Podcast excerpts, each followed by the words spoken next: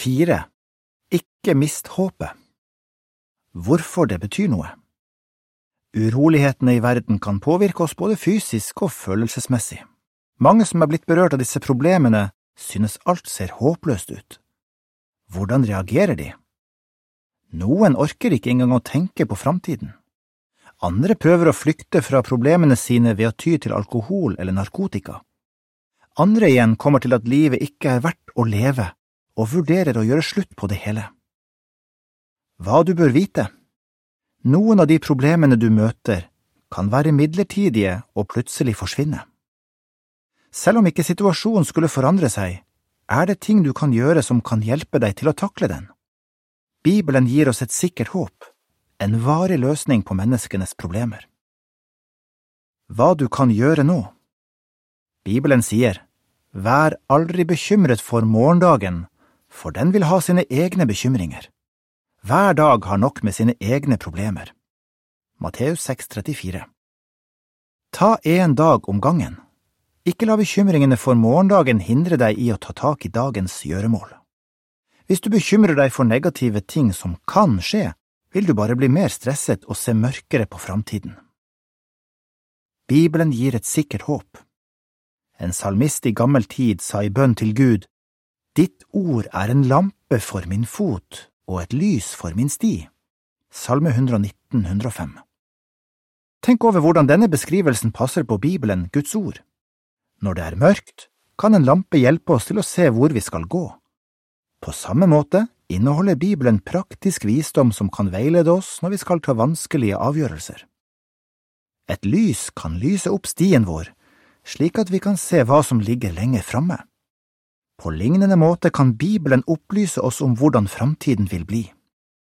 Bibelen er en hellig bok som ikke bare forteller oss om menneskenes historie, men som også gir oss et sikkert håp for framtiden. Den gir svar på disse spørsmålene. Hvordan? Hvordan begynte nød og lidelse? Bibelen sier at synden kom inn i verden ved ett menneske, og ved synden kom døden og døden spredte seg til alle mennesker fordi de alle syndet. Romerne 5,12 Hvorfor? Hvorfor har ikke menneskenes styre klart å løse problemene våre? Bibelen sier at det ikke er opp til den som vandrer å styre sine skritt. Jeremia 10, 23 Problemene i verden bekrefter at dette stemmer. Hva? Hva skal Gud gjøre med situasjonen? Bibelen viser at han skal tørke bort hver tåre fra deres øyne, og døden skal ikke være mer. Sorg og skrik og smerte skal heller ikke være mer. Åpenbaringen 21,4 Her tar vi med en ramme med tittelen Hvordan takle det? Nyttige tips. Fokuser på det positive. Bibelen sier, For den som er hardt plaget, er alle dager onde, men for den som har glede i hjertet, er hver dag en fest. Ordspråkene 1515 Hvis du har et negativt syn på livet, kan det være vanskelig å være løsningsorientert. Hvis du derimot har en positiv innstilling, er det lettere å finne måter å takle situasjonen på. Begrens den tiden du bruker på å få med deg nyhetsmeldinger. Tenk på to–tre ting du er takknemlig for på slutten av hver dag. Lag en liste over gjøremål, og ta bare med det du kan gjøre i dag. Del opp større oppgaver i mindre deler, slik at du lettere ser resultatene av det du har gjort på slutten av dagen. Få hjelp og støtte. Bibelen sier, Den som isolerer seg, avviser all praktisk visdom.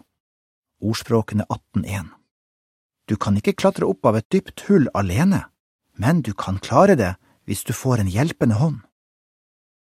Spør familiemedlemmer eller venner om hjelp og støtte. Se også etter måter du kan hjelpe dem på. Når du gjør ting for andre, vil det hjelpe deg til å se dine egne problemer i det rette perspektiv. Hvis du synes alt er håpløst og føler at livet ikke er verdt å leve, bør du søke profesjonell hjelp. Noen ganger er slike følelser et symptom på et helseproblem, for eksempel depresjon. Mange har blitt bedre med behandling. Lær mer. Se videoen Hvorfor studere Bibelen? Søk på tittelen på jw.org. Artikkelen slutter her.